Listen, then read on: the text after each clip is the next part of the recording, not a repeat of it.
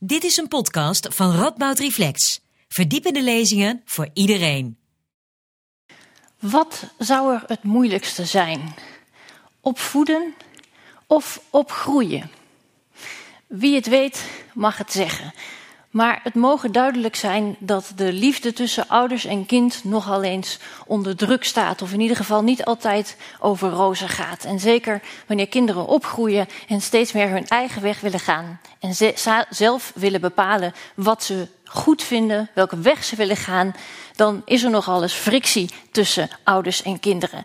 En dat dat niet alleen maar iets is van onze eigen tijd, dat bewijst onder andere het Bijbelverhaal De Verloren Zoon. Want in dit verhaal, dat gaat over een vader en twee zonen, uh, eist de jongste zoon zijn deel van de erfenis alvast op.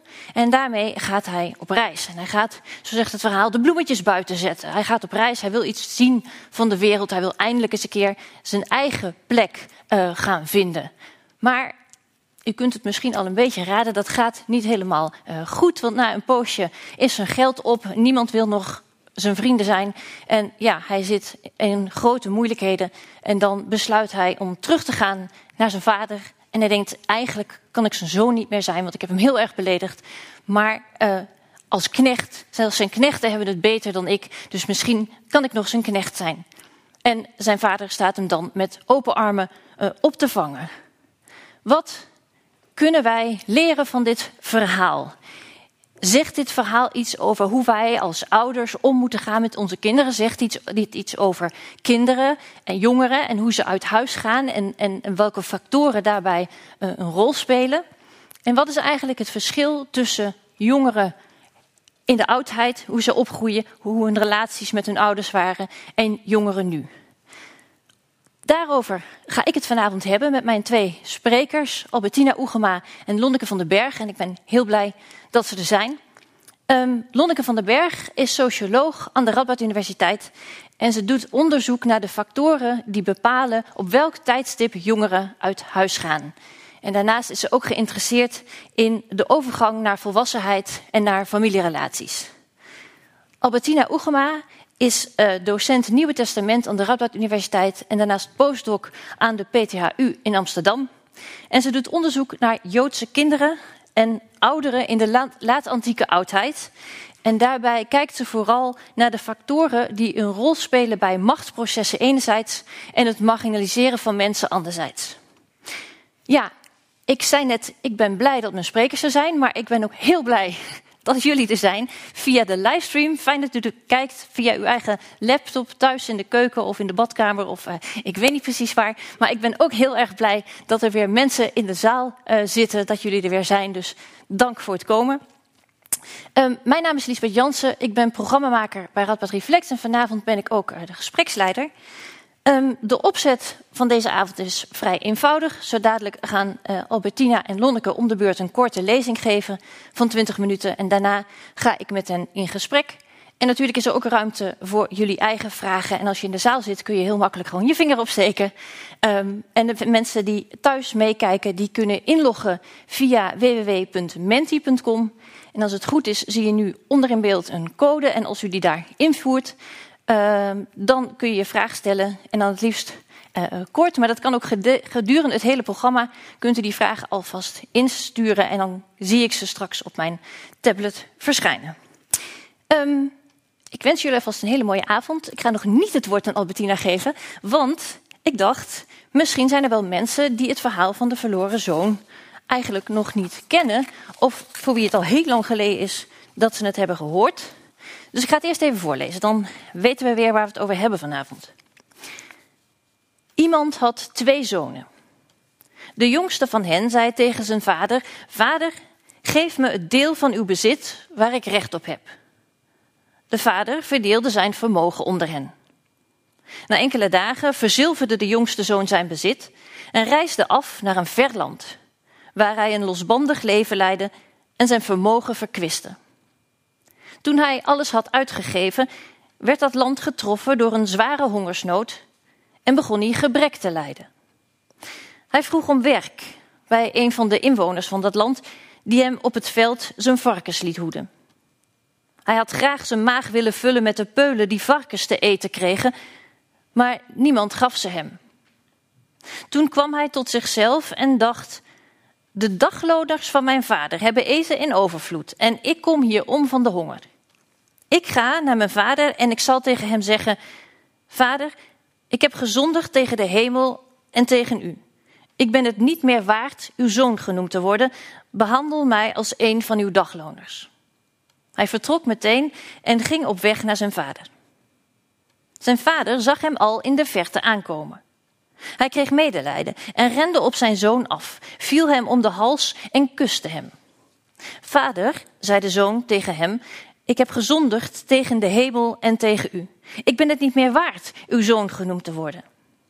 Maar de vader zei tegen zijn knechten: Haal vlug het mooiste gewaad en trek het hem aan. Doe hem een ring aan zijn vinger en geef hem sandalen. Breng het gemeste kalf en slacht het. Laten we eten en feest vieren, want deze zoon van mij was dood en is weer tot leven gekomen. Hij was verloren en hij is teruggevonden.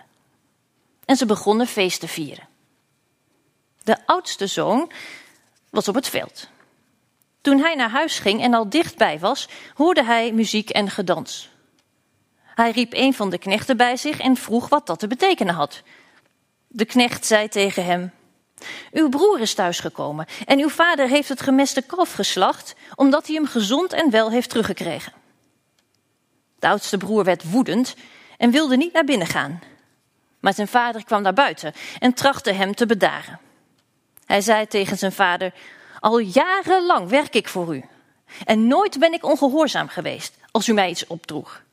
En u hebt mij zelfs nooit een geitenbokje gegeven om met mijn vrienden feest te vieren. Maar nu die zoon van u is thuisgekomen, die uw vermogen heeft verkwanseld aan de hoeren, hebt u voor hem het gemeste kalf geslacht. En zijn vader zei tegen hem: Mijn jongen, jij bent altijd bij me. En alles wat van mij is, is van jou. Maar we konden toch niet anders dan feest vieren en blij zijn? Want je broer was dood en is weer tot leven gekomen. Hij was verloren en is teruggevonden. Tot zover het verhaal. Ik geef graag het woord aan Albertina Oegema.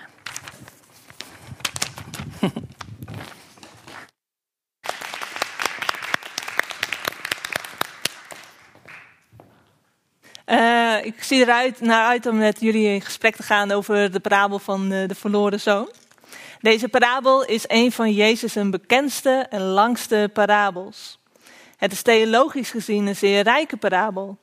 Maar ook de beschreven familierelaties zijn tot op de dag van vandaag herkenbaar. Onder andere Rembrandt heeft de parabel op het doek vereeuwigd. Hier op het scherm zien jullie de hereniging tussen de vader en zijn jongste zoon uitgebeeld. In deze presentatie neem ik jullie mee naar het verhaal van de parabel, dus aan de hand van de meest recente NBV-vertaling, en vertel hoe deze parabel in zijn literaire en sociaal-historische contexten kan worden geïnterpreteerd. De parabel staat in het vijftiende hoofdstuk van het Lucas-evangelie, dat zo rond het jaar 80, 85 is geschreven. Aan het begin van dit hoofdstuk wordt beschreven hoe tollenaars en zondaars naar Jezus komen om naar hem te luisteren.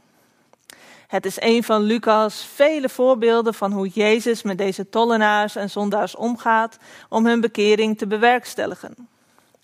Deze tollenaars en zondaars leefden namelijk niet volgens de sociale en religieuze normen van de Joden destijds. Tollenaars in de belasting namens de Romeinen, wat hun begrijpelijkerwijs niet zeer populair maakte onder de Joden. Ook namen ze het door hun omgang met de Romeinen waarschijnlijk niet zeer nauw met de Joodse wet, de Torah. Ook zondaars volgden de Torah eh, evenmin goed. De Fariseeën en de schriftgeleerden voor wie de studie, interpretatie en de correcte navolging van de Torah juist zeer belangrijk was, morden daarom dat Jezus met deze zondaars eet. Waarschijnlijk voelden deze fariseeën en schriftgeleerden zich in hun sociale en religieuze eer aangetast. Waarom eet Jezus wel met die zondaars, maar niet met hen, die de Joodse wet zo goed vervullen? Om zijn omgang met tollenaars en zondaars te rechtvaardigen, vertelt Jezus hen drie parabels. Deze parabels, ook wel gelijkenissen genoemd, zijn metaforische verhalen. Ze bestaan uit een kort fictief verhaal dat over het dagelijks leven gaat. Over vaders en zoons, meesters en slaven, koningen, bruidegoms, etc. Een parabel is echter niet zomaar een verhaal, maar een verhaal dat door middel van vergelijking of contrast licht werpt op een ander, meer abstract onderwerp, zoals het uh, koninkrijk van God in Jezus' prediking. Deze parabels zijn een vorm van Joods onderricht die we ook bij andere Joden in de late oudheid aantreffen. De parabel van de verloren zoon is de derde in een serie van drie parabels. De eerste twee parabels, waarvan ik twee schilderijen op het scherm heb weergegeven, verhalen over een schaapherder die een van zijn honderd schapen heeft verloren en over een vrouw die een van haar tien drachmen kwijt is geraakt. Beiden gaan naastig op zoek naar het verloren goed en zijn dan ook zeer blij als ze het verloren goed weer terugvinden en delen hun blijdschap met vrienden en buren. Net als deze schaapherder een vrouw, zegt Jezus, zijn God en de engelen zeer blij over één zondaar, het verloren schaap en het verloren muntje, die tot inkeer is gekomen. Met deze parabels verklaart Jezus waarom hij met zondaars eet. God verheugt zich over hun terugkeer. En zijn maaltijden, zo impliceert Jezus, bieden tollenaars en zondaars de gelegenheid om zich te bekeren. Deze twee parabels bereiden in feite de interpretatie van de parabel van de verloren zoon voor. Deze parabel bouwt voort op de thema's van verloren zijn, vinden en blijdschap, maar werkt ze in nieuwe richtingen uit. Het verhaal begint met de vader en zijn twee zoons. Door de twee voorgaande parabels weten we, de vader staat voor God, de ene zoon voor de zondaars en de andere voor de rechtvaardigen. De jongste zoon vraagt zijn vader het hem toekomende deel van zijn bezit te geven. Waarschijnlijk beschaamde de zoon door zijn bijna bevelende verzoek de eer en autoriteit van zijn vader. Maar de vader, om wat voor reden ook, willigt het verzoek toch in. Volgens de Joodse wet was het een vader toegestaan om door middel van een schenking of een voorschot op de erfenis al tijdens diens leven zijn bezit onder zijn zoons te verdelen. Of dit zo positief werd gewaardeerd, is echter de vraag. Waar het verkrijgen van een bezit voor de zoon zeer belangrijk zal zijn geweest om een eigen bestaan op te bouwen, manoeuvreert de vader zich in een veel kwetsbaardere en afhankelijker positie. Vroeg Joodse teksten raden het vaders daarom af om al tijdens hun leven hun bezit onder hun zoons te verdelen. Ze moeten dan hun hand bij hun zoons ophouden, terwijl het maar de vraag is of die zoons deze hand gaan vullen. Met het verdelen van het bezit maakt de parabel gebruik van een veel voorkomende Joodse metafoor waarin de Torah wordt vergeleken met bezit of een erfenis. De parabel maakt duidelijk dat God, vader hier, zijn Torah geeft aan het Joodse volk, de twee zoons. En uit andere Joodse parabels weten we dat na zo'n bezitsverdeling altijd de spannende vraag rijst: wat gaan de ontvangers met het bezit doen? En heel vaak loopt het slecht af. En zo ook hier. Nadat de jongste zoon zijn deel eh, van het bezit heeft ontvangen, reist hij af naar een ver land. In tegenstelling tot de culturele norm destijds bekommert de zoon zich niet meer om zijn vader, maar verbrast al het geld en bezit in een losbandig leven. Het beeld van de verkwistende zoon en zijn spaarzame broer als tegenhanger was een wijdverbreid literair topos in Joodse, Griekse en Romeinse bronnen. In de Joodse parabel bijvoorbeeld staat de verkwistende zoon voor een Torah-leerling, die de Torah onvoldoende bestudeert en daardoor de Joodse wetten verkeerd uitlegt. Mogelijk was dit topos van de verkwistende zoon deels geïnspireerd op echte zoons, die op kosten van hun vader de bloemetjes buiten zetten. Cicero's zoon Marcus bijvoorbeeld, die in Athene studeerde, jaagde zijn vaders toelagen er flink doorheen. Hoewel Cicero zich zorgen maakte over de studievoortgang van zijn zoon, bleef hij zijn zoon geld sturen. Hij wilde voorkomen dat zijn reputatie als vader schade zou lijden en dat zijn zoon arm zou lijken in vergelijking met andere zoons uit welgestelde families. Op een gegeven moment komt er een zware hongersnood in dat verre land, wat niet zeer ongewoon was in de oudheid. waardoor de jongste zoon gebrek begint te lijden. Hij verhuurt zich daarom aan een inwoner van het land om diens varkens te hoeden. Dit was niet zomaar een laag, slecht betaald baantje. Nee, voor Joden zijn varkens onrein. Volgens de Joodse spijswetten mogen Joden daarom geen varkensvlees eten. Het varkenshoeden laat zien hoe de zoon niet alleen sociaal-economisch helemaal lager wal is geraakt, maar ook religieus. En dit werpt natuurlijk licht op het afdwalen en verloren gaan van de zondaars. De vader, als beeld van God, geeft zijn zoon alle ruimte om het bezit te spenderen, zoals hij dat wil en waar hij dat wil. De vader stelt geen regels op, hè, van pas op, uh, blijf hier, doe dit niet. De zoon krijgt alle handelingsruimte om te gaan en te staan en te doen en te laten wat hij wil. Dit schetst een beeld van God die de mens alle vrijheid geeft om met de Torah te doen, en te doen wat hij of zij wil. Om Gods wil nauwgezet te volgen, maar ook om het compleet in de wind te slaan. Vandaar, zo suggereert de parabel, dat zondaars compleet af kunnen dwalen.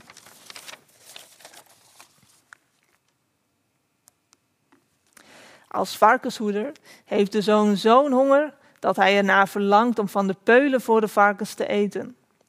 Niemand geeft de zoon echter iets, waardoor hij honger blijft lijden.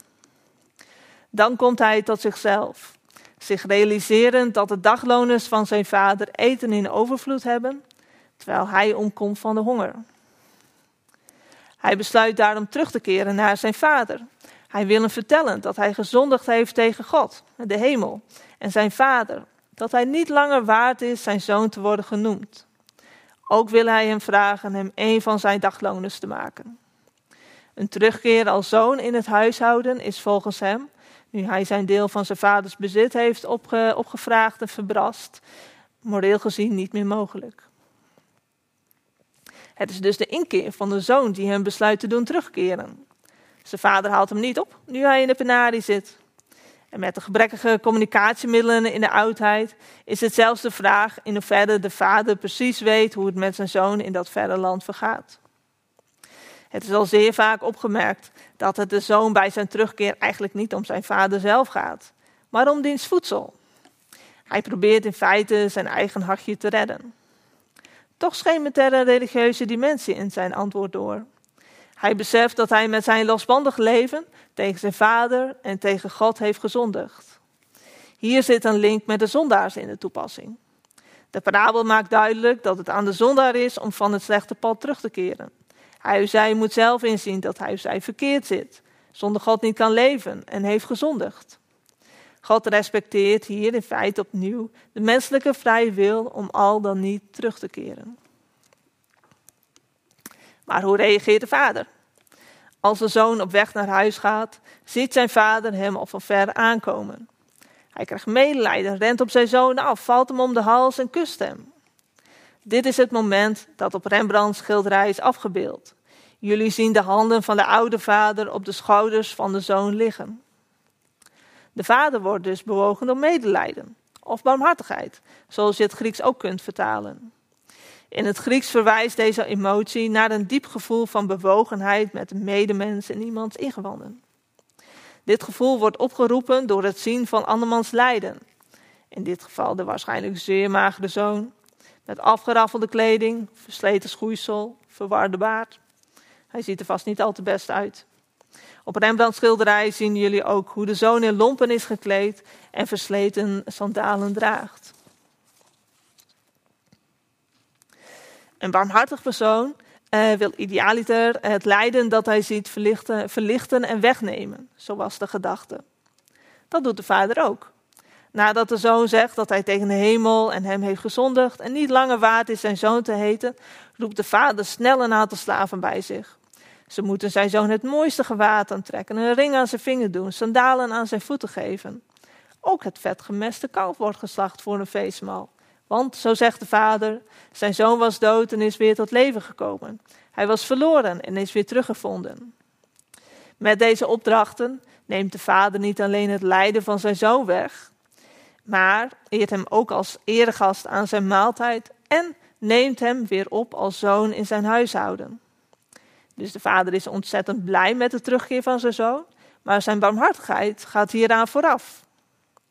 De parabel voegt dus aan de voorgaande parabels toe dat God niet alleen blij is met de terugkeer van zondaars, maar vooral ook barmhartig. Vandaar dat God tot inkeer gekomen zondaars met open armen ontvangt. In het onderzoek is er veel discussie over of het publiek deze barmhartige reactie van de vader al dan niet verwachtte. Immers, de zoon heeft een groot deel van zijn vaders bezit verbrast.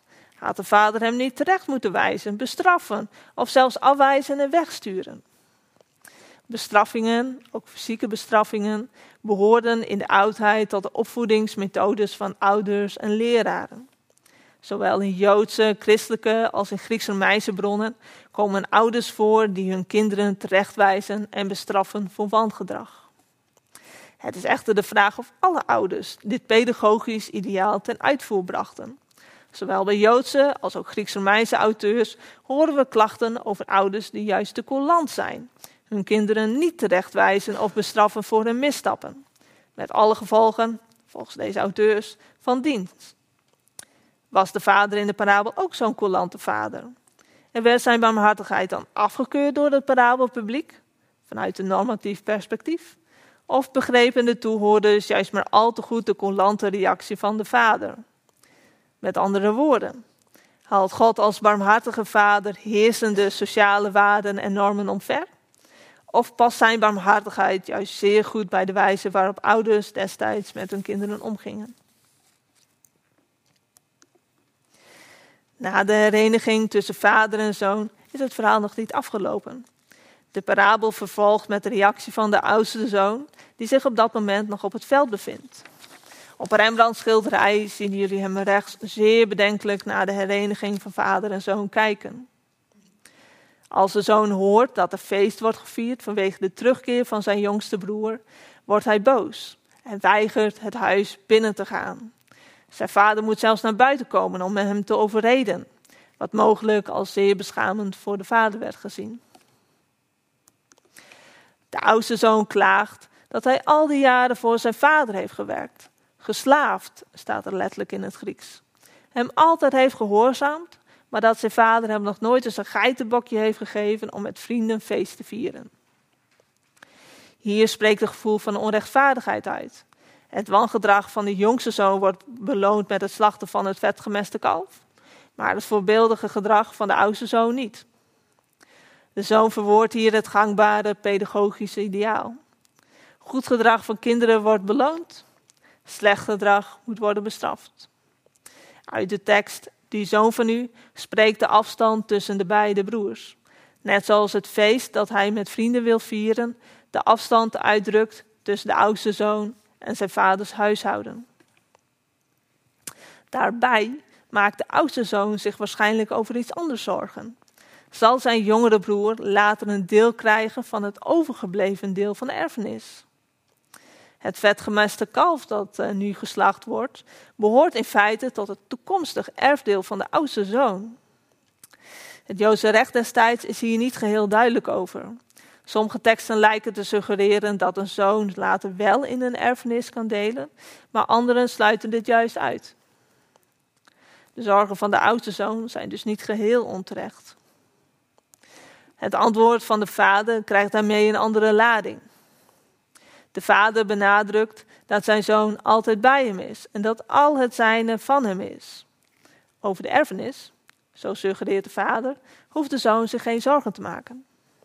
De, de, vader spoort hem juist aan om te delen in de vreugde, vreugde over de terugkeer van zijn verloren en doodgewaande broer. Vreugde heeft plaats in de context van het huishouden, in plaats van met vrienden elders. En met je broer wijst de vader hem op zijn relatie met zijn broer. Deze oudste zoon staat voor de fariseeën en de schriftgeleerden. Zijn boos geklaag maakt duidelijk waarom zij, volgens Jezus, morren over diens omgang met tollenaars en zondaars. Ze vinden het onrechtvaardig hoe God de zondaars behandelt. Hij verheugt zich over hun terugkeer. Jezus houdt maaltijden met hen. Waarom beloont God de fariseeën en schriftgeleerden nooit voor hun rechtvaardig gedrag en navolging van de Torah? Ze voelen zich achtergesteld. Met de reactie van de vader geeft Jezus hen in feite een antwoord. Ze zijn altijd bij God. Hun deel van de erfenis blijft behouden. Ze moeten juist blij zijn met de terugkeer van hun afgedwaalde broeders en zusters en deel hebben aan de vreugde in de context van het goddelijk huishouden. De parabel eindigt met een open einde. We weten niet wat de oudste zoon heeft gedaan. Heeft hij zijn vaders woorden opgevolgd? Of is hij nukkig buiten blijven staan? De parabel geeft hiermee een open uitnodiging aan de fariseeën en schriftgeleerden om hun houding jegens Jezus en de tollenaars en zondaars te wijzigen. Opnieuw respecteert God en Jezus de menselijke vrije wil in het al dan niet opvolgen van Gods woorden. Voor een goed begrip van de parabel is dit samenspel tussen verhaal en toepassing van groot belang. De parabel presenteert ons met een familiegeschiedenis waarin de jongste zoon alle ruimte van zijn vader krijgt om uit huis te gaan en te experimenteren. Zelfs al loopt dat compleet verkeerd af. Tegelijkertijd laat de parabel iets zien van de gegevenheid, afhankelijkheid en betrokkenheid in familierelaties. Zelfs al zit de zoon in de diepste penarie, zijn barmhartige vader ontvangt hem met open armen. Net zoals de vader ook probeert zijn oudste zoon te bewegen blij te zijn met de terugkeer van zijn jongste broer. Hiermee werpt de parabel licht op de ruimte die God geeft aan de mens om religieus te experimenteren. Maar ook op de gegevenheid, afhankelijkheid, betrokkenheid in de God-mensenrelatie. En idealiter tussen mensen onderling in de familie en in de gemeenschap. Zo hartelijk dank.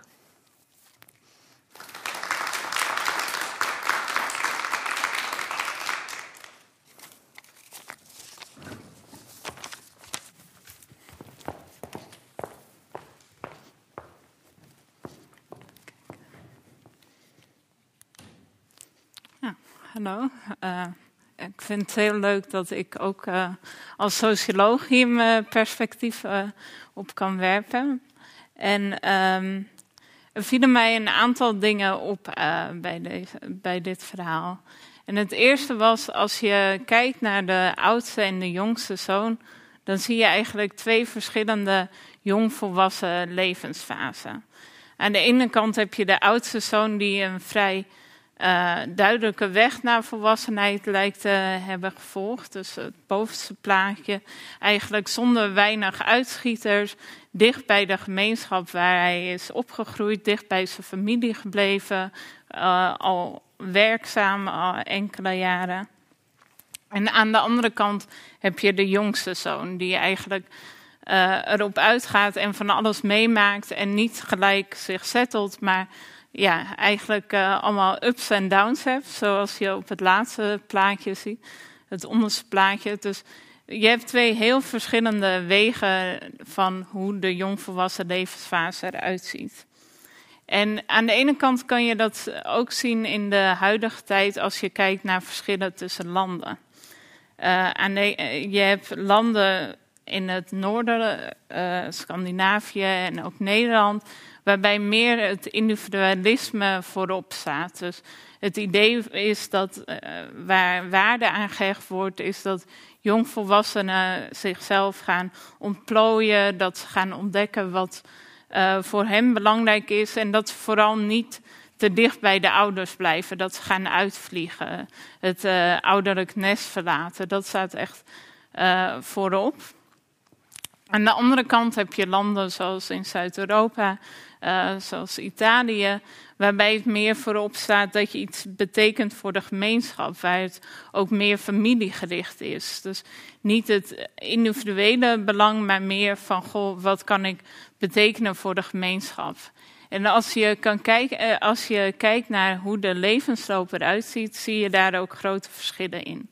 In mijn onderzoek naar uit huis gaan heb ik gezien dat uh, kinderen uit uh, landen in Noord-Europa vaak op jongere leeftijd uit huis gaan. Als we hier kijken bij mannen die uh, op 25-jarige leeftijd, zien we dat in Scandinavië zo'n 8% nog thuis woont. En in Nederland is dat 20%. En dat is heel, een heel laag percentage vergeleken Italië, waar dat 84% is op die leeftijd. Dus het ziet er heel anders uit, die jongvolwassen levensfase. Daarnaast zie je ook dat vaak juist in Noord-Europa mensen bijvoorbeeld vaker eerst alleen gaan wonen zonder een partner of met huisgenoten eventueel. Uh, in Zuid-Europa is dat vaker al gelijk met een partner. Uh, en vaker dus in de omgeving van waar ze zijn opgegroeid. Daarnaast, als we kijken naar deze twee verschillende levenslopen, zie je ook een verschil in uh, als we kijken over de tijd. Vroeger was er meer het geval van de bovenste weg, waarbij je ziet dat de jongvolwassen levensfase eigenlijk vrij overzichtelijk is. Het werd gezegd van, goh, je hebt een aantal stappen die gemaakt worden, zoals samenwonen, trouwen, een kind krijgen, um, een baan krijgen, die eigenlijk in een vrij korte periode worden gedaan. Um, en ook vrijwel hetzelfde ongeveer uitzagen voor mensen. Er was niet heel veel verschil tussen de ene 25-jarige en de andere. Tegenwoordig hebben we dus niet alleen een, een jongvolwassen levensfase die uh, meer verschil heeft, maar ook die wat langer is geworden. In plaats van een korte overzichtelijke fase hebben we nu uh, ook een tijd erin zitten die ook wel emerging adulthood wordt genoemd in de psychologie. En hierbij bestaat het idee dat je tussen je 18e en 25e een fase hebt waarin je eigenlijk aan het ontdekken bent. Precies wat de jongste zoon dus deed. Um, dit is een levensfase waarbij je eigenlijk niet meer afhankelijk bent van het ouderlijk huis zo sterk, omdat je, uh, ja, je bent meerderjarig, je bent niet meer, je ouders kunnen je niet altijd meer vertellen wat je moet doen. Maar je bent ook nog niet in de levensfase dat je al helemaal gezetteld bent en allemaal verantwoordelijkheden draagt. En juist in deze levensfase is het idee van, goh, uh, kunnen jongvolwassenen gaan ontdekken wie ze zijn op allerlei gebieden. Dus op relatiegebied, uh, op werkgebied, studie. En dat wordt ook dan wel de keuzebiografie genoemd. Dus als je kijkt naar dit, uh, deze wegwijzer, je kan eigenlijk allerlei kanten op. En je ziet dus ook steeds meer variatie bij jongvolwassenen hoe hun leven eruit ziet. Als we zeggen, bij, uh, op 23-jarige leeftijd zie je nu heel veel verschillende leefsituaties. Dus eigenlijk kan je veel meer kiezen, bijvoorbeeld of je een lange afstandsrelatie met iemand hebt, of uh, al getrouwd bent, of je een tweede studie doet, gaat reizen. Dus er zijn eigenlijk een veel grotere aan levensloop uh, en leefsituaties zijn erbij gekomen. En dat klinkt natuurlijk heel positief en het idee van, goh, je kan alle kanten op. Maar dat is eigenlijk niet voor iedereen weggelegd per se. Dus ook in het verhaal uh, van de verloren zoon zag je al van, goh, het is de zoon van iemand die dagloners heeft. Hij uh, vergelijkt zichzelf als van, goh, ik heb het nu zelf slechter als de dagloners van mijn vader. Dus het zijn toch meer de rijke. Uh, ja, uh, je moet wel een bepaald vermogen hebben om dat te kunnen doen. En dat is nog steeds wel het geval. Dus dat, die wegwijzen met al die paden, dat is niet misschien voor iedereen weggelegd. Als we kijken, zien we bijvoorbeeld in de media staan dat Maria Obama een tussenjaar doet en eh, stage loopt in, uh, bij televisiestudio's. Amalia reist rond. Uh, de zonen van Paul de Leeuw die wonen in een studentenhuis in de Amsterdamse grachten. En dat ze, ja, zij kunnen eigenlijk gewoon kiezen uit die paden wat ze willen. Maar dat is niet voor iedereen mogelijk. En daarbij speelt ook een rol dat er dus wel veel meer mogelijk is. Maar die vastigheid, er is dus heel veel flexibiliteit. Maar dat, flexibiliteit heeft ook een weerslag op dat er ook vastigheid uh, ontbreekt op het gebied van financiële zekerheid. Als we hier kijken bijvoorbeeld naar CBS-gegevens, zien we dat in 2001 zo'n 60% van de 15 tot 25-jarigen die toen werkten uh, een vast contract had. In 2011 was dit nog maar 40 procent en in 2021 nog maar 18 procent. Dus dit is uh, nog maar een derde van 20 jaar terug. Dus ook al zijn er misschien meer variatie mogelijk, betekent het wel ook dat er vastigheid ontbreekt voor degene die misschien het pad van de oudste zoon hadden willen volgen. En al werkzaam wilden zijn en een vaste situatie wilden hebben.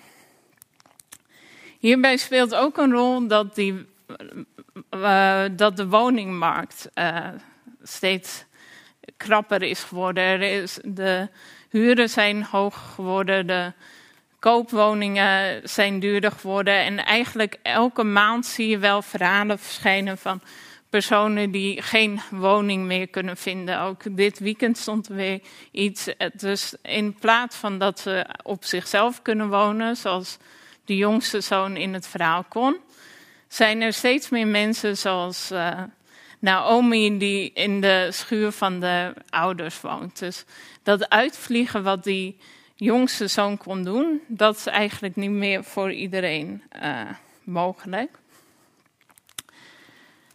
En deels zien we meer mensen eh, bij de ouders wonen omdat ze niet uit huis kunnen gaan. Maar we zien ook een hele sterke toename in het terugkeer naar het ouderlijk huis. Als we hier kijken, in de jaren 90 ging zo'n 15% binnen vijf jaar na het verlaten van het ouderlijk huis weer even bij de ouders wonen. Of voor langere tijd, in ieder geval uh, minstens drie maanden.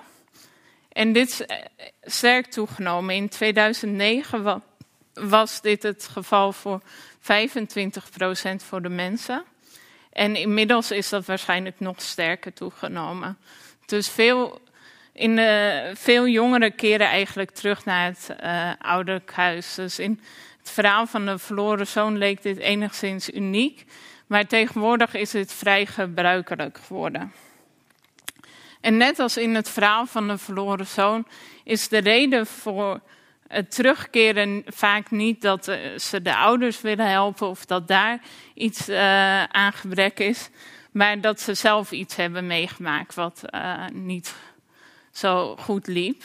Dus een veel voorkomende reden is dat hun relatie verbroken is. Dus dan moet je op zoek naar een andere woning als je samen woont. Of dat de baan verloren is. Dus ook weer dat je niet de huur kan betalen. Maar daarnaast heb ik in onderzoek laten zien dat het ook voorkomt dat mensen eigenlijk het uit huis gaan, het op zichzelf wonen vonden tegenvallen. Hier heb ik met Duitse data gekeken naar mensen die uit huis gingen op een moment dat je verwacht dat ze ook uit huis gaan, vergeleken mensen waarbij je het nog niet verwacht.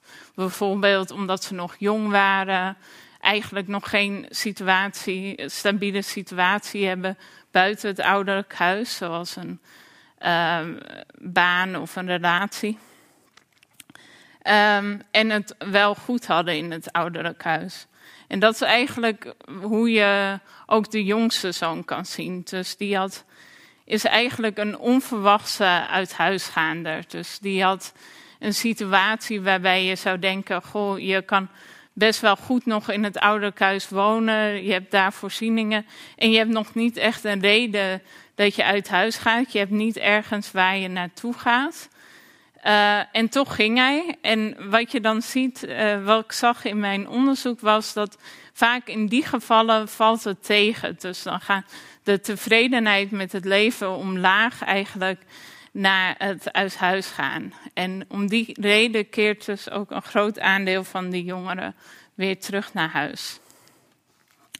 Daarnaast speelt ook een rol andere noodsituaties. Dus wij hadden in het verhaal van de verloren zoon ging het over de hongersnood die uitbrak en een reden was om terug naar huis te gaan. Maar recent hebben we natuurlijk de of nog steeds hebben we de COVID-pandemie. En uh, de, mijn onderzoek laat zien dat dat ook een reden was om terug naar huis te keren. Dus die eerste twee maanden dat eigenlijk alles dichtging, de full lockdown in uh, Nederland, daar zag, uh, daar zag, ik dat 40% van de vrouwelijke studenten en 30% van de mannelijke studenten in Nijmegen terug naar huis keerden voor enige tijd. Dat is dus best wel een groot aantal die nog steeds op de ouders leunt of ja, naar de ouders wil in zo'n situatie van nood. Dus als het nodig is, gaan kinderen nog steeds echt terug naar het ouderlijk huis. En de vraag is dan, worden ze dan ook met open armen ontvangen? En dat, als je naar de media kijkt, dan krijg je vaak het idee dat dat niet zo is. Dus bijvoorbeeld in dit artikel van de Times, of de cover van de Time, uh, staat de Me, Me, Me generation. En uh, schilderen ze millennials af als een generatie die alleen maar aan zichzelf denkt, lui is en nog bij de ouders wonen. En ze worden dus eigenlijk afgeschilderd als een generatie die alleen maar de bronnen van de ouders gebruiken, hun eten, eten hun uh, elektriciteit, hun woning gebruiken en er niks voor teruggeeft. Dus precies hoe eigenlijk de oudste zoon keek naar de terugkeer van de jongste zoon. En ja, dus je ziet vaak dit beeld ook van ouders die kijken van, goh, wanneer ga je nou uit huis? Uh, die moeder moet zelfs huilen bij dit idee. En een, een jongere die zich daar eigenlijk niks van aantrekt. Maar dan is het toch vreemd dat als er zo naar gekeken wordt in de media, dat het zoveel voorkomt. Dus het is iets wat heel vanzelfsprekend is. En als we dan ook kijken naar normen, zien we dat dat ook gewoon wel veel steun krijgt. Juist het idee dat ouders voor kinderen zorgen, ook al zijn ze volwassen. Dus hier met de data van de Gender and Generation Survey voor Nederland laat ik zien dat zo'n 60% van de, uh, ja, van de respondenten in die vraaglijst geeft aan dat ze het eens zijn met de stelling dat uh, ouders voor volwassen kinderen moeten helpen, uh, zorgen als ze het nodig hebben. Dus dit idee van, goh, het is een me, me, me generation, dat wordt eigenlijk uh, juist ook wel geaccepteerd. Of dat wordt ook verwacht juist van de ouders, dat die voor die kinderen zorgen. En slechts 12% is het er mee oneens. En dat komt omdat eh, ook in 2020 en ook in Nederland mensen eigenlijk nog gewoon heel close zijn met hun familie. Dus als we kijken naar, ik begon natuurlijk met vergeleken Zuid-Europa, is Nederland niet heel familiegericht. Maar alsnog is het redelijk familiegericht. Dus uh, juist vandaag de dag wordt ook heel erg verwacht, ook in Nederland, dat ouders voor hun kinderen zorgen ook al zijn ze volwassen.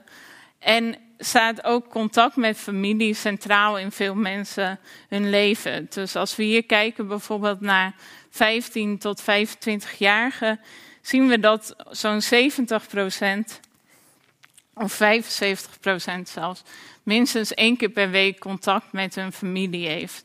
Dus dat idee dat uh, in, we nu in een generatie leven waarbij de familie niet meer zo aanwezig is, eh, klopt eigenlijk niet. Dus juist de familie staat vrij centraal uh, en wordt ook heel erg gezien als een vangnet in de hedendaagse maatschappij.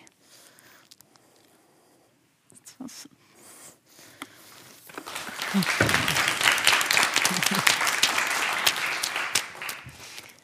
Dankjewel Albertina en Lonneke. Ga lekker zitten. Ik zie nog maar één glas. dus had jij glas? Oh, je hebt hem daar. Heel goed. Want dan kunnen we nog wat drinken bij ons gesprek.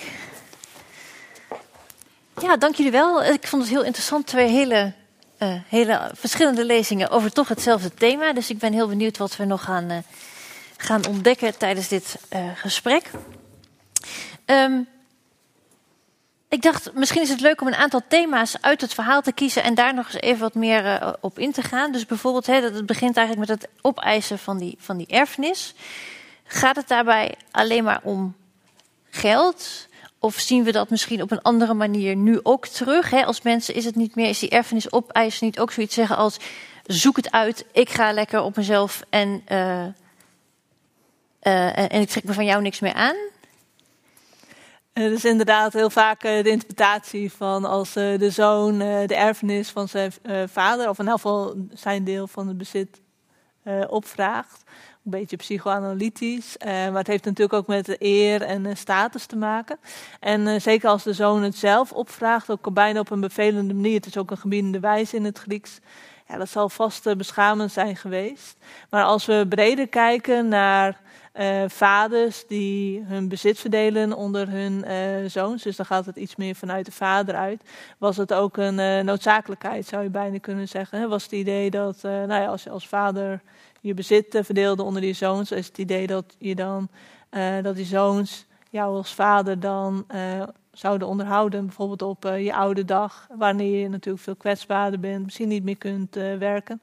En voor die zoons zat er ook natuurlijk een bepaalde noodzakelijkheid achter van nou ja, dat je ook gewoon geld nodig hebt om een bestaan op te bouwen, misschien ook een gezin en ook om je vader of je ouders te onderhouden, ja. als die nog leefden natuurlijk. Ja, want het is inderdaad, het is niet een vriendelijke manier van uit huis gaan. Tenminste, niet hoe het is geformuleerd. Nee, precies. Nee, klopt. En uh, hoe is dat nu als, als jongeren met conflicten uit huis gaan? Wat is dan, kun je iets zeggen wat dan de redenen daarvoor zijn? Of... Um, ja, dat speelt ook zeker een rol soms dat er echt conflicten zijn. En wat je eigenlijk veel ziet in, uh, bij uit huis gaan is dat uh, jongeren vaker uit huis gaan als ze in gescheiden gezinnen opgroeien en ook als ze, uh, er een stiefouder bijvoorbeeld bij is. Dus dan kan het soms leiden tot conflict, maar ook in andere uh, families. En dan, ja, dus dan is het risico dat je ook enigszins gehaast natuurlijk uit mhm. huis gaat. Dus in die zin dat je uh, misschien niet een woning hebt waar je per se uh, naartoe wilt. Of uh, misschien dat je met een partner gaat samenwonen terwijl het nog wat vroeg daarvoor is. Ja. ja. Maar je zegt dat geldt eigenlijk niet voor de meeste jongeren. De meeste jongeren gaan gewoon uit huis omdat ze. Ja, dus als je kijkt is het eigenlijk vaak, dus er wordt vaak verwacht dat men, jongeren uit huis gaan, dat ze een soort uh, kosten- en batenanalyse mm -hmm. maken. En dan zit er ook uh, kosten bij als van, goh, ik heb geen privacy in het ouderlijk huis. Of ik wil uh, doen wat ik wil, ja. zeg maar. En ja. niet van mijn ouders horen wat ik moet doen. Maar aan de andere kant missen jongeren ook wel het ouderlijk huis. Dat ze daar ook veel steun en contact krijgen. En ik denk dat je dat bijvoorbeeld ziet met de uh, coronapandemie, dat jongeren ook echt uit, als een keuze terug naar het ouderlijk huis mhm. gingen vanwege bijvoorbeeld uh, dat gebrek aan contact. Ja. Dus um, in het algemeen speelt zeker een rol hoe het in het ouderlijk huis is, maar ook wat er buiten het ouderlijk huis uh, voor de jongeren is. Ja, ja, en je zei het in jouw lezing al even, zelfstandig, zelfstandig worden, je eigen weg gaan, je ook je eigen weg ontdekken. Dat is voor ons, en zeker nu in het Westen, eh, heel belangrijk. Hoe, hoe zat dat in, het, in de oudheid en heeft het, zegt dit verhaal daar überhaupt iets over? Gaat dit ook over zeg maar, je eigen weg willen gaan? Um, dus als je het hebt over uit huis gaan in de oudheid, zie je deels parallellen, maar deels ook wel uh, verschillen. Um, dus grofweg zijn er drie manieren, of drie wijzen waarop dan jongeren, heb ik het even over vrijgeboren uh, kinderen, dus dat is misschien ook nog wel even goed. Vrijgeboren betekent dan mensen met geld, hè? Ja, nou dat niet alleen. Je had een heel belangrijk onderscheid tussen uh, slaaf mhm. en vrijgeboren. Dus um, en als slaaf uh, ja, was je eigenlijk niet eens je eigen bezit, was je bezit van iemand anders. Dus dat ligt echt uh, geheel ja. anders. We spreken hier in, in, dit geval inderdaad over een gezin dat relatief uh, well, welgesteld is. Dus dat komt uh, ja, noemde ook sociaal-economische factoren. Uh, maar in elk geval vrij geboren. Dus uh, om daar even op te focussen. Was punt 1 was dat huwelijk. Um, dus dan is altijd veel discussie over wanneer kinderen nu precies trouwden. Dus meisjes waarschijnlijk in hun tienerjaren. En jongens misschien wat eind tienerjaren. Maar in de Romeinse context pas tegen hun dertigste. Dat is ook wel weer interessant, zeg maar, met onderzoek van jou. Um, Dus dat was een reden om uit huis te gaan. En zeker voor meisjes, die ging dan naar, over naar het huis van uh, ja, een man eigenlijk. Hè. Dus die vertrok echt uit het vaderlijk huis. Daarnaast om een beroep te leren. dus er zijn ook contracten van overgebleven in Egypte bijvoorbeeld. Dus er waren jongen, dan ging het om jongens, een jaar of 12, 13 of zo. Dus wat begin puberteit. Die dan een vak gingen leren. Een timmerman of zo, of bakker. En een beetje met een kosten- en inwoningachtige constructie. En daarnaast uh, om te studeren. Uh, dat zag er wel een beetje anders uit dan uh, vandaag de dag. Dus je ging meer studeren bij bijvoorbeeld een belangrijke rabbijn, zoals Jezus. die had ook een kring met discipelen om zich heen. je had ook een rabbijnse beweging later.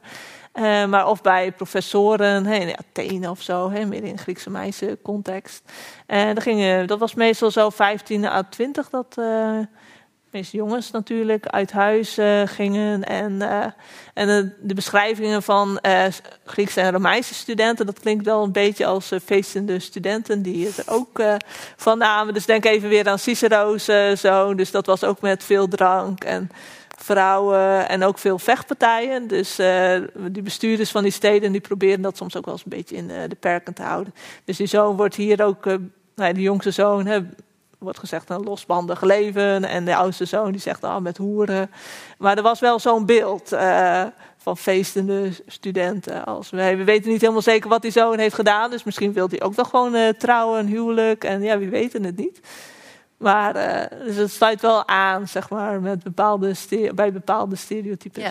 En dan heb je het natuurlijk ook over de rijkere jongens natuurlijk die gingen uh, studeren. Ja, ja, want daar had jij het ook nog even over in je lezing. Hè? Van, uh, de, dat het voor ons, voor, voor, veel jongeren eigenlijk normaal is dat je een soort tussenjaar hebt. En dat je, weet ik veel, gaat backpacken een jaartje in Australië of zo. Maar dat het lang niet voor iedereen mogelijk is. En dat daardoor ook een soort ongelijkheid ontstaat tussen uh, ja, bepaalde groepen en andere groepen. Ja. ja, dus je ziet dat er steeds meer nadruk wordt gelegd eigenlijk op het ouderlijk huis, dat die ook nog helpen. Dus je hebt eigenlijk steeds meer dingen zoals uh, inderdaad zo'n tussenjaar en dan gaan reizen of onbetaalde stages, uh, dat soort zaken.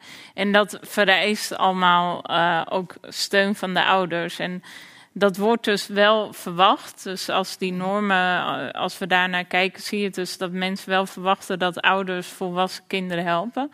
Maar dat kan natuurlijk niet iedereen. Dus daardoor, doordat het steeds meer daarop uh, wordt ingesteld, zie je eigenlijk die verschuiving. En ook bijvoorbeeld als je kijkt naar het leenstelsel, daarin werd ook expliciet genoemd uh, dat het de lasten verschuift naar, uh, van de overheid naar studenten en hun ouders. Dus er is echt een verwachting dat de ouders iets bijdragen. Maar wat ouders kunnen bijdragen, dat verschilt natuurlijk heel erg. Ja. Ja. ja. En als je nou, als je nou, we hadden het net al even over, als je met ruzie het huis uitgaat, zie je dan dat jongeren andere keuzes maken dan jongeren die gewoon vanuit een prettige uh, achtergrondsituatie uh, op zichzelf gaan wonen? Ja, dat is best wel lastig om te bekijken, omdat mensen ja, je weet dat, wat er precies uh, gebeurt, maar je ziet eigenlijk wel dat als ze met ruzie uit huis gaan, is het meestal wat jonger. En gebeuren vervolgens andere leefsituaties ook wat jonger. Dus bijvoorbeeld misschien het stoppen met school, het uh, nodig hebben van een baantje of dus uh, vroege partnerformatie. En dat zijn situaties die in het algemeen iets minder stabiel zijn. Dus mhm. dan heb je ook weer meer kans, als je dus vroeg gaat samenwonen met een partner, dat dat ook weer uit elkaar gaat. Dus in die zin kan het zich misschien een beetje opstapelen als je dus niet een hele stabiele situatie hebt waar je naartoe verhuist. Dat je dan uh, ja, dat uh, het zich opstapelt. Problemen worden alleen maar, ja. ja, ja. En, en, jij noemt nu die, die instabiele relaties. Zou je dat nou kunnen vergelijken met die vriendschappen die de jongste zoon aangaat als die, als die het huis uit is? Die we weten het natuurlijk niet. Hè? Nee. Dat, is, uh, dat is altijd belangrijk om uh, te realiseren. Hè? Van, we hebben een verteller en die zegt van nou ja, losbandig leven. En later komt dan die oudste zoon er nog een keer overheen met hoeren. Uh, dat zijn natuurlijk instabiele relaties, zou je kunnen zeggen. Maar we weten niet hoe, zeker wat die zoon heeft gedaan. Ik bedoel ook eigenlijk die, de vrienden. Dus hij maakt vrienden, maar dan uiteindelijk als het geld op is, dan, dan is er niemand meer die hem, van, van die vrienden, is ja. er niemand die hem helpt. Ja, dan gaat het natuurlijk om de inwoner van het land. En dan is eigenlijk dat ook een heel contractuele relatie. Hè? Dus er staat dan wel zo'n woord uh, in het Grieks van kleefde zich aan, zeg maar. Dus dat is wel even interessant. Sorry, wat staat er? Aankleven is dat. Dan. Ah. Ja, maar het is eigenlijk contractueel. Hè? Je, je, je huurt je aan iemand, in dit Ja, ja. geval als uh, varkenshoeder, dus een baantje. Dus uh, ik zou niet zeggen dat dat een hele stabiele persoonlijke relatie is natuurlijk. Nee, hè? Dus nee. uh, je kunt weer verbreken, maar wel absolute noodzakelijkheid voor die zoon geweest om überhaupt rond te kunnen komen. En Ja. blijkbaar nog niet eens genoeg geld uh, verdienen om wat eten te kunnen kopen. Ja, want toen zijn we al uit, aanbeland bij de varkens en de, en de schillen. Ja, ja, de peulen. Ja, precies, de peulen of de schillen. Komen jongeren die, die vroeger uit huis gaan, komen die nou eerder in bepaalde problemen dan jongeren die wat later gaan? Of kun je dat niet zo zwart-wit zeggen? Um, ja, dat wordt wel vaak verwacht. Dat, uh, ze worden dan ook wel off-time genoemd. Dat ze uh, iets meer problemen hebben. En dat komt vooral door uh, ja, de financiële lasten. Dus zeker als je in combinatie met als je daar dan niet de steun voor krijgt van de ouders. Dus Mhm. als de ouders de huur betalen, et cetera, dan uh, is dat niet zo'n probleem. Maar je ziet wel dat juist bij de vroege uithuisgaanders kunnen uh, bijvoorbeeld schulden zich opstapelen, inderdaad. Dus uh, ja, die lopen in die zin wel meer risico. Um, omdat, ja, ze hebben nog vaak niet dan de financiële middelen om dat zelf te kunnen betalen. Dus er zijn heel veel dan ook economisch afhankelijk van de ouders. Mhm. Maar als dat er dus ook niet is, dan wordt het uh, wel heel lastig. Ja. Ja. ja, en dan zeker in een situatie als corona is dat, lijkt me dat ingewikkelde situaties voor jongeren. Ja, zeker. Dus jongeren hebben vaak flexcontracten en ook vaak in die dienstensector, uh, die natuurlijk ook veel geleden heeft tijdens de pandemie. Dus zij he hebben zeker ook nu een vrij slechte financiële Mhm. positie. Ja. Ja. Ja, en als we uh, teruggaan naar, naar het verhaal, hè, die, die jongen die is daar in een ver, vreemd land, er is een hongersnood. Um, en hij moet zich inderdaad ver, verhuren als, als varkenshoeder. Um, ik dacht, er spreekt ook zoiets uit als je zoekt iets ergens waar je het niet kunt vinden. Alsof het verhaal dat ook wil zeggen. Hè. We gaan op zoek naar iets, we willen de bloemetjes buiten zetten, we willen onszelf vinden. Uh, maar het spreekwoord zegt misschien al zoiets als hey, waar je ook naartoe gaat, je neemt altijd jezelf mee. Zit er ook zo'n soort lading in dat verhaal, denk je? Je zoekt, je, hij is iets gaan zoeken wat hij eigenlijk beter thuis had kunnen vinden. Of je vindt jezelf niet zomaar door. Uh... Nou, echt dat hele sterke individualisme was natuurlijk in de oudheid uh, natuurlijk niet het geval. Maar hij ontdekt natuurlijk wel het belang van uh, familie, collectief. Dus dat was in de oudheid zeer belangrijk. Het belang van het huishouden. En ook uh, de erfenis, het geld daarbinnen. Dus uiteindelijk is al zijn geld op. Moet hij in feite werken ook voor zijn geld. En dus hij ontdekt wel de waarde, het belang en ehm, de context van de familierelaties. Ja, maar je denkt het gaat niet zozeer over dat, dat het verhaal zegt um, um, dat we op zoek gaan, dat we, wij zeg maar als mensen vaak zoeken naar dingen zoals onvoorwaardelijke liefde op plekken waar die niet te vinden is. Hij weet niet helemaal zeker waar de zoon naar heeft gezocht. Hè? Dus uh, ja, dus dat, uh, ja, het is ook nog wel interessant. Het is uiteindelijk een perspectief. Mhm. Mm -hmm. En um, nou, je zit in een context uh, van de vroege Jezusbeweging en um, bekeerlingen. Dus uh, Jezus zelf die zegt ook dat hij ook strijdt tussen vaders en zoons en uh, moeders en dochters ja. zal leveren. Dus misschien dat er ook nog wel iets weerspiegelt misschien van zoons die ja, zich hebben bekeerd tot uh, ja, Jezus, uh, Jezusbeweging, zich daar hebben bij aangesloten. En dat uh, ja, de vader dat helemaal niet zo goed vond. En dan is dat natuurlijk een bepaald perspectief om te zeggen van nou, losbandig leven. Ja. Vanuit het perspectief van die zoon helemaal anders. Ja. Dus dat is even een beetje sociale context, hoe mm -hmm. je het ook geheel anders kunt leven en lezen. Ja. ja. ja. Wil jij iets aanvullen?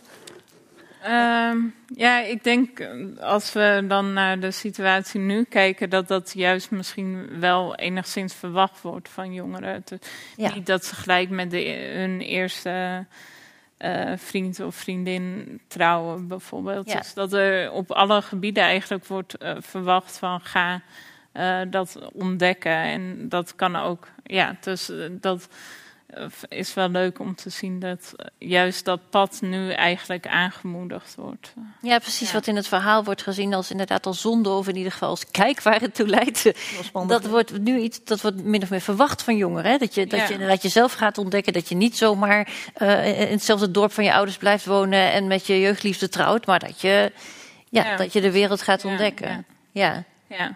Dus dat het in die zin juist meer die druk brengt misschien voor jongeren van goh, ik moet ook nog in het buitenland gewoond hebben en ik moet nog dit en dat geprobeerd hebben. Dus dat het juist de bedoeling is dat je van alles probeert Ja. in plaats van eh, eigenlijk bij je ouders blijft in het dorp en eh, ja, verder weinig eh, van die dingen uitprobeert. Ja.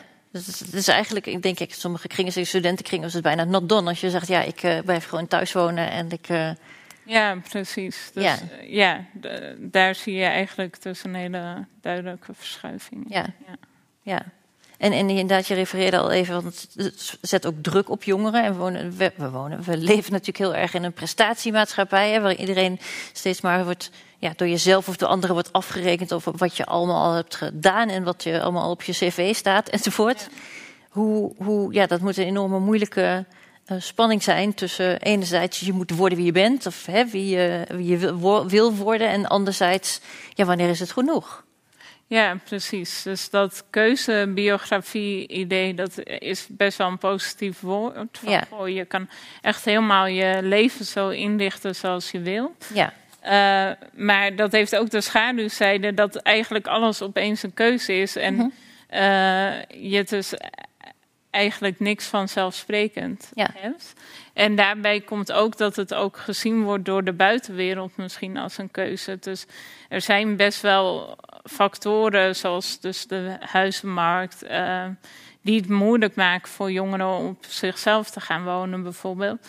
Maar het lijkt toch alsof dat een persoonlijke keuze is. Dus er wordt eh, eigenlijk alles wordt op de persoon gezien van goh, die heeft deze weg gekozen en niet meer zoveel gekeken naar van goh, wat zijn eigenlijk die die omstandigheden. maken dat deze keuzes worden gemaakt. Ja. ja, ja. Ja, want je schreef in jouw opiniestuk in de Gelderlander eh, afgelopen zaterdag ook nog van ja, als je inderdaad als 25-jarige niet al een vaste baan hebt, geen vaste partner nou enzovoorts, nog wat van die factoren, dan ben je een vlierenfluiter. ja, Terwijl dat niet per se aan jou zelf hoeft te liggen. Ja, dus er ligt nu, omdat het dus gezien wordt als van, goh, we zijn heel individualistisch. Je kan alles en je hoeft dus niet meer eh, te, eh, getrouwd te zijn op je 25ste bijvoorbeeld. Ehm, wordt het ook gezien als een soort persoonlijk falen bijna, als je dus dat allemaal niet eh, bereikt of dat je niet al die keuzes maakt of... Eh, ja, dus er wordt heel veel eh, druk eh, op die manier gelegd op de individu. Omdat eh, ja, Ja, gewoon heel veel mogelijk is, maar ook best wel veel verwacht wordt van Ja, de precies. jongeren. ja. Ja. En zo'n begrip als, als de, hè, de vlierenfluiter, de mensen die zomaar wat los, losbandig in het leven staan. Kenden ze dat in de ou- oudheid ook al? En was dat toen iets, iets positiefs of iets Eh, de negatiefs? verkwistende zoon. Ja. Eh, Dat is echt zo'n heel stereotyp eh, karakter Oh ja. die we ook in comedies tegenkomen. En eh, ook ehm, nou ja, Joodse parabels eh, maken daar ook eh, gebruik van. Dus eh, het is misschien niet letterlijk de vierde fluiter, maar wel eh, de verkwistende zoon. En eh, ook nog wel eh, zit daar het idee bij dat misschien juist door coulantie van de vader... eh, nou ja, de zoons eh, nou ja, eh, van luxe houden, rijkdom, het ervan nemen, zeg maar. Dus er staat ook nog, hè, dus eh, je zit met die reactie van de vader in deze parabel, hoe moeten we die waarderen? En dus dat zat, eh, nou, we zien bij Joodse auteurs, maar ook bij Griekse meisje auteurs, dat eh, daar ook nog een link eh er werd gelegd. Dus dat blijkbaar ook aan de opvoeding ligt. Ja, ja, dat het Zo te zeggen, jullie zijn nou. te coulant geweest en Ja. daarom kijk wat er... Kijk wat er van is geworden, ja, die kan helemaal niet meer geld omgaan. Eigenlijk, Ja. ja. Is dat ook iets wat je nu terugziet? Dat de schuld bij ouders wordt gelegd voor, voor eventueel... Nou ja, Ja, ik denk het wel. Als je bijvoorbeeld naar, dat, eh, naar die cover van Time kijkt van ehm, de Me, Me, Me generation, is wel het idee volgens mij inderdaad dat de, de, de generatie die de millennials heeft opgevoed, dat die eigenlijk te veel heeft gegeven. ja de curlingouders. Veel, eh, ja. ja. precies. Dus uh, dat wordt zeker gedaan, inderdaad. Dus aan de ene kant verwachten we wel dat ouders een, ook later bijvoorbeeld een uh, opa of, en oma dag hebben en voor de kleinkinderen zorgen. En dat ze weer in het oude huis uh, toelaten. Maar aan de andere kant wordt het ook verweten dat ze ja, te, te makkelijk met ja. zijn en te veel voor ze doen. Ja, ja, precies. Te veel het pad hebben geëffend, zodat ze niet tegen een precies. stootje kunnen als er een keer iets tegen zit. Ja. Um, ja, hij had het net al even over de reactie van, van de vader in, in dit verhaal. En die is natuurlijk heel, heel duidelijk. Hè. Hij omarmt de jongen en hij wil eigenlijk niet eens meer iets horen van zijn verwijt. En hij denkt er niet over om de jongen als uh, een van zijn slaven aan te stellen. Um, je zei ook, het zijn radicale verhalen vaak, die, die parabels. Hoe, hoe hebben de, de luisteraars in die tijd gekeken naar, naar de rol die de vader uh, neemt? Dus hè, het, vergevingsvolle, barmhartige, zei je zelf. Uh, was dat, wat vonden ze daarvan? Uh, dat is heel lastig uh, te bepalen. Dus aan de ene kant uh, is er heel sterk een normatieve verwachting van nou ja, als wangedrag hoort te worden bestraft. En ook onterving trouwens kon een vorm van bestraffing zijn, maar ook fysieke bestraffing, zeker van jonge kinderen, horen daarbij. Dus dan vanuit dat perspectief is die reactie van de vader heel opvallend. Hè, dat hij gewoon barmhartig is, de zoon om de hals valt en inderdaad hem niet als dagloner aanstelt. De zoon krijgt nog niet eens de kans om dat te zeggen. Um, dus dat is uh, heel opvallend. Dus vanuit dat perspectief is het inderdaad misschien een schok. Uh, een soort een schokervaring in uh, de parabel. En misschien dat juist ook wel in die schokervaring het betekenisvolle in, uh, erin staat. Maar tegelijkertijd uh, hoor je ook in uh, nou ja, onze literatuur heel veel klachten over toekolante vaders. En, nou Cicero is daar zelf eigenlijk ook zo'n voorbeeld van. Ja, die zei, ja, zucht, en de zoon vraagt weer om geld, weet je wel. Nou ja, oké, dan stuur je dan maar weer een toelage naartoe. Dus die klacht was er zeker ook. Dus blijkbaar waren er ook gewoon, ja, misschien net als vandaag de dag, ook gewoon tukkelante vader die, of ouders, hè, die al blij waren dat de zoon gewoon weer gezond en wel uh, terugkomt. En uh, ja, feestmaal. Dus uh, dat is heel lastig te bepalen. Mm. Ja, misschien is gewoon het idee van dat, je, dat de beste stuurlui aan wal staan, dat dat iets is. Ja, misschien kan het ook gewoon beide. Hè? Dus hm. uiteindelijk hè, dat je en weet, zeg maar, nou ja, je hebt het normatieve kader. Maar goed, in de praktijk inderdaad, uh, dan zie je zoon terugkomen. Je bent ontzettend bezorgd uh, geweest en hij komt gezond en wel terug. Ben je super blij. En het is natuurlijk belangrijk om te noemen dat de zoon zelf tot inkeer is gekomen. Ja. Dus niet meer tot inkeer hoeft te worden gebracht door middel ja. van bestraffing of iets dergelijks. En, ja, want toen je, net, toen je het net vertelde, dacht ik opeens, oh misschien is dat wel de belangrijkste zin uit het verhaal. En hij kwam tot zichzelf. Dus dat suggereert zoiets als daarvoor was hij niet bij zichzelf. Nee, je dacht eindelijk eens na blijkbaar. Ja, ja, ja, zeker. En dan schemert ook het religieuze erdoor, hè, dat hij gezondigd uh, heeft. Hè. Dus, en dan is altijd de spannende vraag van, ja, meende de zoon het nu echt? Hè? Dus, uh, Sorry, wat? Meende hij het nu? Hè? Het gaat hem eigenlijk om het eten natuurlijk. En niet zozeer uh, om de vader. En ah, je dus altijd... aan, de, aan de spijt van de zoon. Ja, dus dat is altijd een spannende vraag in het onderzoek naar deze parabel. Dus het kan inderdaad uh, oprecht uh, zijn geweest. En er zit zeker ook een religieuze dimensie mm -hmm. bij. Maar het is ook heel erg, nou, hoe zal ik zeggen, instrumenteel. Om zo ja. te zeggen, het voedsel van de vader. Hij komt ook daadwerkelijk om. Hè, dus je komt echt op de grond van het bestaan. Dus ja. ja. Ja, dat is wel weer interessant, Lonneke, want dat hoorde ik jou toch ook een beetje zeggen. Zo van, inderdaad, als, als kinderen het, die uit huis zijn gegaan het moeilijk krijgen... en dan gaat het meestal hè, dat het financieel ingewikkeld is. Ze kunnen huur niet meer betalen of uh, nou ja, partner weg. Um, dan gaan ze weer terug naar, uh, ja. naar de ouders. Ja. Zegt dat iets over de relatie tussen ouders en kind? Um, ja, eigenlijk zie je gewoon best wel dat de relatie qua steun toch wel meer van de ouders naar de kinderen zijn. Dus uh, wordt er ook, zeker ook als volwassenen, wordt er uh, bijvoorbeeld hier ook meer verwacht dat zij nog de kinderen steunen dan dat kinderen hun leven omgooien om uh, voor de ouders te zorgen. Ja. Dat is natuurlijk in meer familiegerichte omgevingen misschien anders, maar Um, het is zeker zo dat je eigenlijk ziet dat die steun uh, meer van de ouders naar de kinderen gaan. Maar is het dan ook zo dat ouders voorwaarden gaan stellen? Dus dat ze bijvoorbeeld zeggen: Ja, dat is allemaal leuk en aardig dat jij hier weer onder mijn dak komt wonen. Maar ik had, me er net, op, ik had net jouw slaapkamer omgebouwd tot een hobbykamer. Uh, dat is prima dat je hier weer bent, maar dan, ga ik, dan wil ik wel dat je, weet ik veel, uh, hier huur betaalt of, of meehelpt in uh, de dingen.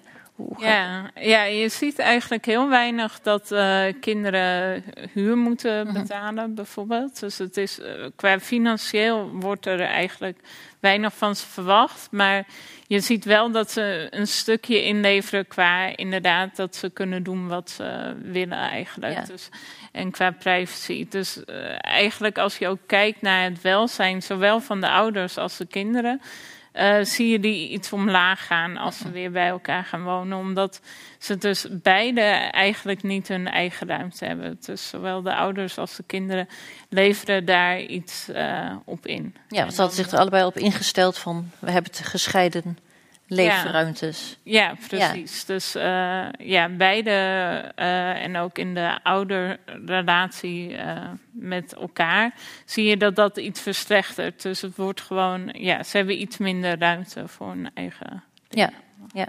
ja. een interessante vraag bij dit verhaal is misschien ook wel.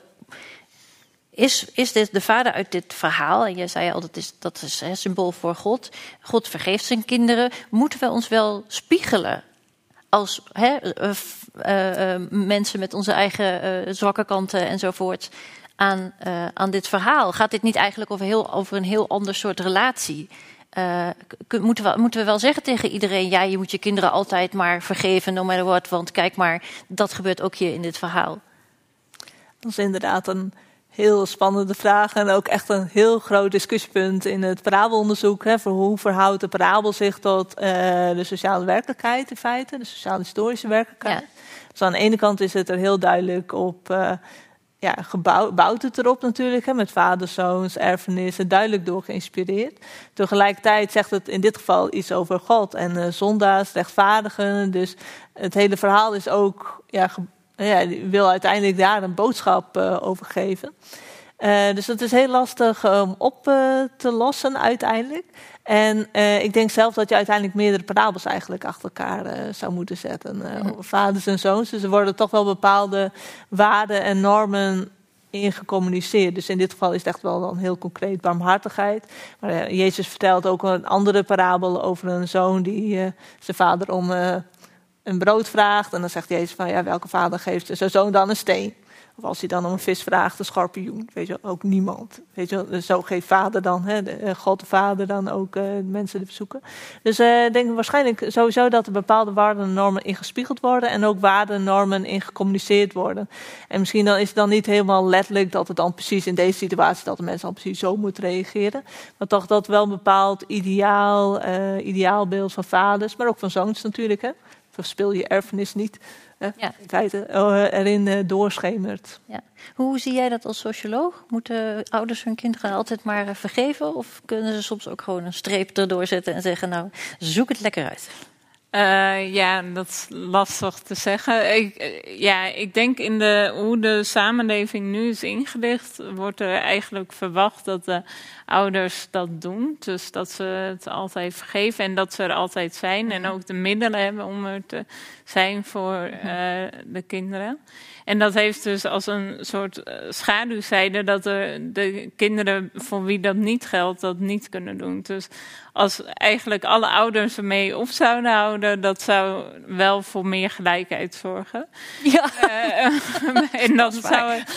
Maar uh, ja, dus het is nu. Uh, ja, het wordt nu wel eigenlijk van de ouders verwacht dat ze dat doen. En ja, ja het liefst zou je eigenlijk hebben Um, dat er misschien wat meer steun bijvoorbeeld van de overheid is, uh, zodat dat niet meer nodig uh, zou zijn. Ja, of in ieder geval voor, voor jonge mensen met, die niet zo'n goede relatie hebben met hun ouders, dat je niet, bij wijze van spreken, terug moet gaan wonen bij ouders met wie je eigenlijk alleen maar conflict hebt.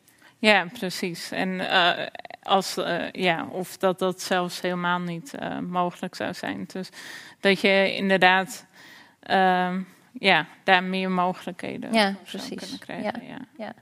Ik uh, ga eens even op mijn uh, tablet kijken over vanuit de mensen thuis. eh, vragen zijn. Als u die nog niet hebt ingediend, dan kan dat nog steeds. Dus kunt u even inloggen op www.menti.com met de code die u waarschijnlijk nu steeds onder in beeld ziet. En die dan hier stellen. Ik kom dadelijk natuurlijk ook bij jullie hier in de zaal. Even kijken. Even kijken, even kijken, even. Welke betekenis geeft de socioloog aan het woord hoop, zowel voor de ouders als voor de jongvolwassenen in onze huidige complexe samenleving? Ja, mooie vraag. uh, ja, ik denk dat uh, in de huidige samenleving dat er. Ja, eh, het wordt ook wel een beetje een risk society soms genoemd. Dus er zijn heel veel risico's, er is heel weinig zekerheid. Dus um, dat maakt dat er misschien weinig hoop is. Maar ik heb het idee dat juist jongeren wel het idee hebben dat ze heel veel kunnen uh, bereiken. Dus ik denk dat jongeren en de ouders wel veel hoop hebben en ook veel verwachtingen. En dat eigenlijk eh, naarmate de tijd vordert, ze soms erachter komen dat bepaalde zaken niet helemaal uh, zo lopen als ze zouden willen. En dat ze dan dus een beroep doen op de ouders. Um, omdat het inderdaad heel complex is. Mm -hmm. Dus ik denk dat uh, de jongeren nog zeker in een fase zich bevinden dat ze eigenlijk verwachten dat van alles kan. Ja. En dus ook heel veel hoop hebben op ja, wat ze allemaal kunnen gaan betekenen voor de wereld en wat ze allemaal kunnen bereiken. Ja. Oh, wacht even, en, en hoe verhoudt zich dat, dus de eigen hoop op je, je toekomstperspectief, tot hoe je je verhoudt tot je ouders? Uh, ik denk dat ze in die zin dat de ouders meer een ondersteunende rol hebben. Dus dat uh, in het ideaalplaatje in de huidige samenleving dat eigenlijk jongeren ervoor gaan en proberen dus te doen wat ze willen en dat ze dan weten van goh, we kunnen terug naar de ouders. Dus dat ze vanuit dat met in hun gedachten dat vangnet uh, hebben en vanuit daar dus de hoop hebben veel te kunnen. Ja, en dus ook denk ik opeens van, met het idee van oké, ik ga nu terug naar mijn ouders, maar dat is maar voor even. En daarna ga ik natuurlijk weer weg. Ik blijf niet voor eeuwig dan uh, bij mijn ouders wonen.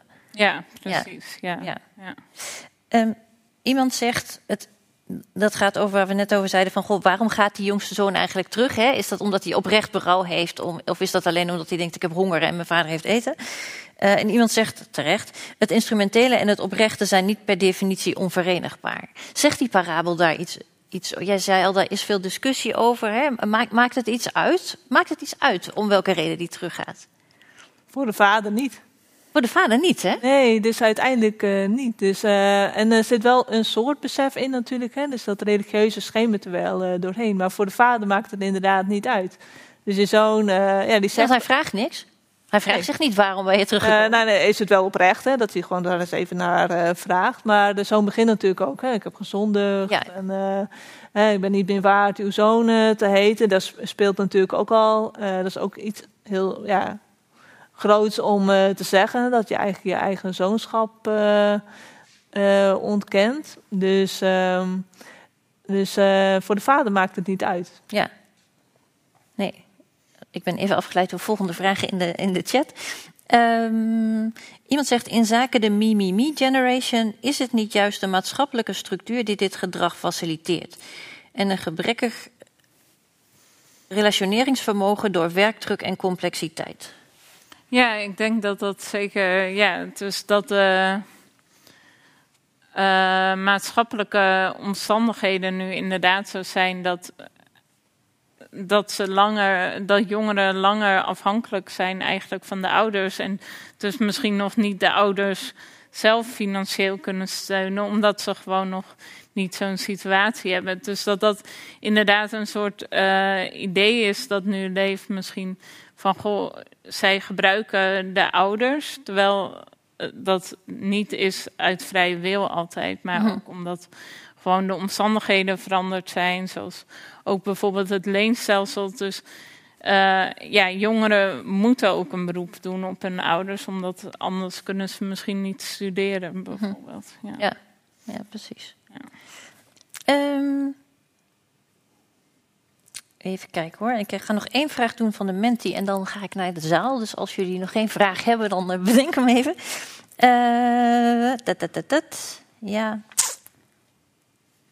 Nou, deze maar even. Iemand zegt, want volgens mij is de vraag ingediend voordat we over hebben gehad. Iemand zegt, eigenlijk wordt in de discussie voorbij gegaan aan het wezenlijke thema, namelijk vergeving en de tweede kans. Dus misschien is het goed om daar nog heel even terug op in te gaan.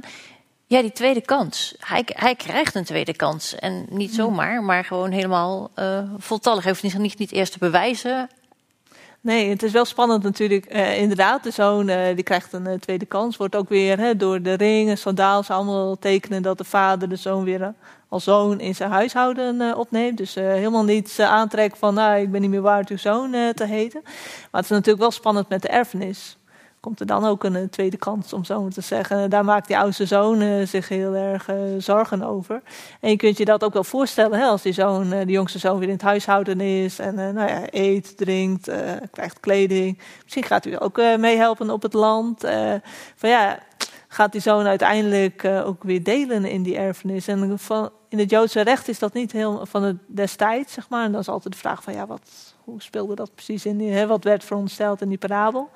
Is dat niet helemaal duidelijk. Dus uh, als een vader een schenking deed tussen uh, in rabbijnse bronnen, dan kan een uh, zoon, nou, als het bezit van de vader later weer toenam, kwamen weer tien velden bij, noem maar even wat. Hè, dan kon hij ook weer daar een deel van krijgen.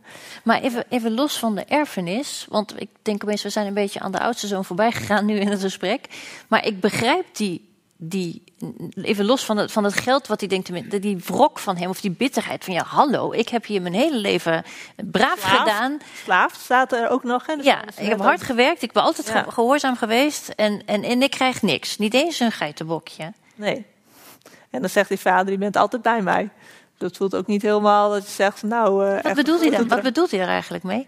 Waarschijnlijk ehm, dat van die erfenissen, al het mijne is van jou, zegt de vader, dus ook echt alles. Eh, dus moet de zoon natuurlijk maar een beetje op vertrouwen natuurlijk. Maar, eh, eh, dus dat is waarschijnlijk een geruststelling van die erfenis. En ik zelf vermoed dat de vader hem ook wijst op waar hij in feite wel dankbaar voor moet zijn. Hey, je kunt echt heel erg fixeren op dat vetgemeste kalf. En ik had nooit eens een geitenbokje. Dus, eh, maar kijk naar wat je wel hebt. Je bent altijd bij de vader. Dus eh, ja, je kunt delen in zijn eten. En, eh, En dat is dan misschien ook weer een les voor ons. Je kunt je Ja, richten op dat wat er ontbreekt. En waar je... Ja, en wat zit er eigenlijk onder? Dus die vader wijst ook op de vreugde in de context van het huishouden. Die zoon wil graag een feest vieren met vrienden elders. Maar het gaat om dat huishouden. En zeker ook in dat collectieve, dat familiegerichte denken in de oudheid. Ja. Was dat gewoon heel erg belangrijk. Ik wil heel graag mijn sprekers bedanken. Lonneke van den Berg, Albertina Oegema.